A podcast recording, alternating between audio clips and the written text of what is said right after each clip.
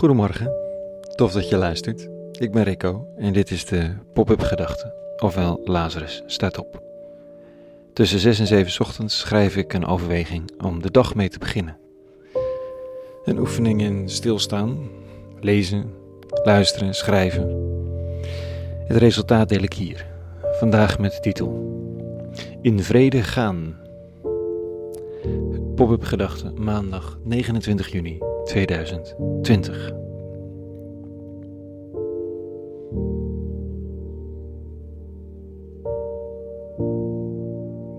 Elke ochtend van elke werkdag sluit ik de pop-up gedachte af met vrede en alle goeds. De oude Franciscaanse zegen. Het is voor een enkele luisteraar het belangrijkste stukje van de hele tekst.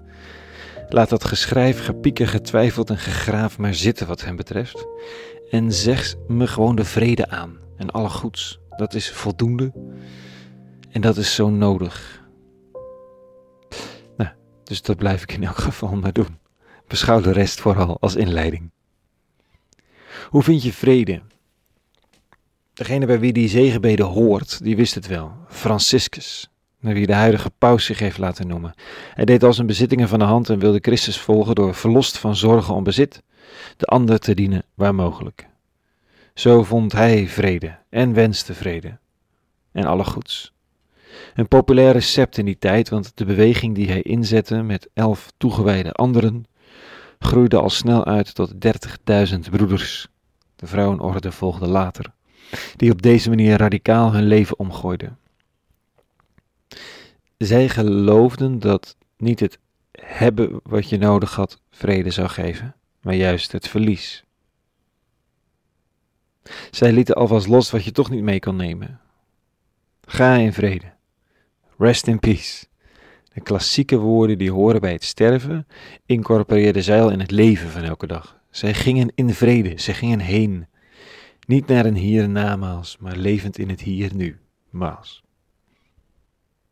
En die vrede heeft vanochtend Paulus ook te pakken. De man die zoveel bloed aan zijn handen had in het eerste deel van zijn leven. De man die zich kon schamen over zijn geschiedenis. Hij begon met het jagen op volgelingen van Jezus en wordt er vervolgens als door een wonder zelf een.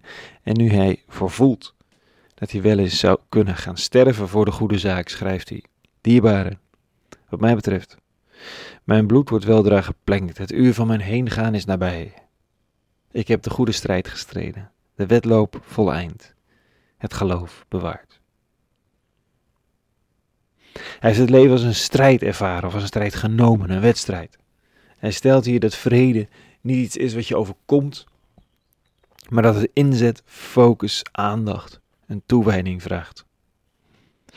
Sommigen zeggen dat vrede komt door stil te worden, op je yogamat te zitten, te mediteren, te bidden, los te laten. En dat kan zo zijn, hè? Maar doe het maar eens. En doe het maar eens met heel je hart. Ook dat is strijd. Alleen al tegen de afleiding, de agenda, de taken en alles wat om aandacht roept. Vrede is niet iets wat, ons, niet iets wat passief ontstaat, wat je overkomt, zoals een mooie zonsopgang of ondergang. Vrede heeft alles te maken met het harde werk van overgave en toewijding, van loslaten en vertrouwen, van weggeven of loslaten wat je soms denkt nodig te hebben. En dan pas te ontvangen wat je hoopte dat er zou zijn. Vrede is wat ontstaat als je blijft geloven dat het goede doen de prijs waard is. Wat wordt mij gevraagd? Hoe vind ik vrede? Welke wedstrijd ga ik aan? Elke rol in mijn leven is misschien wel een ander waagstuk. Als vader wordt er een toewijding gevraagd, als man van, als vriend, als pastor soms, als dominee, als kunstenaar soms, als activist, de diversiteit van de rollen is soms verwarrend. En gelukkig is het eigenlijk niet de vraag of ik al die dingen perfect heb gedaan. Maar of ik de strijd ben aangegaan. De wedstrijd. En gelukkig is dat. Eh, en eh, de vraag is of ik me heb toegewijd. En belangrijker dan alles, heb ik in alles het geloof behouden. Niet een set geloofswaarheden, maar ben ik erin blijven geloven. En dat kan ik best verloren zijn onderweg. Hè? Maar ben ik het dan weer gaan zoeken? Heb ik het opnieuw gevonden? In nieuwe vorm, in nieuwe taal?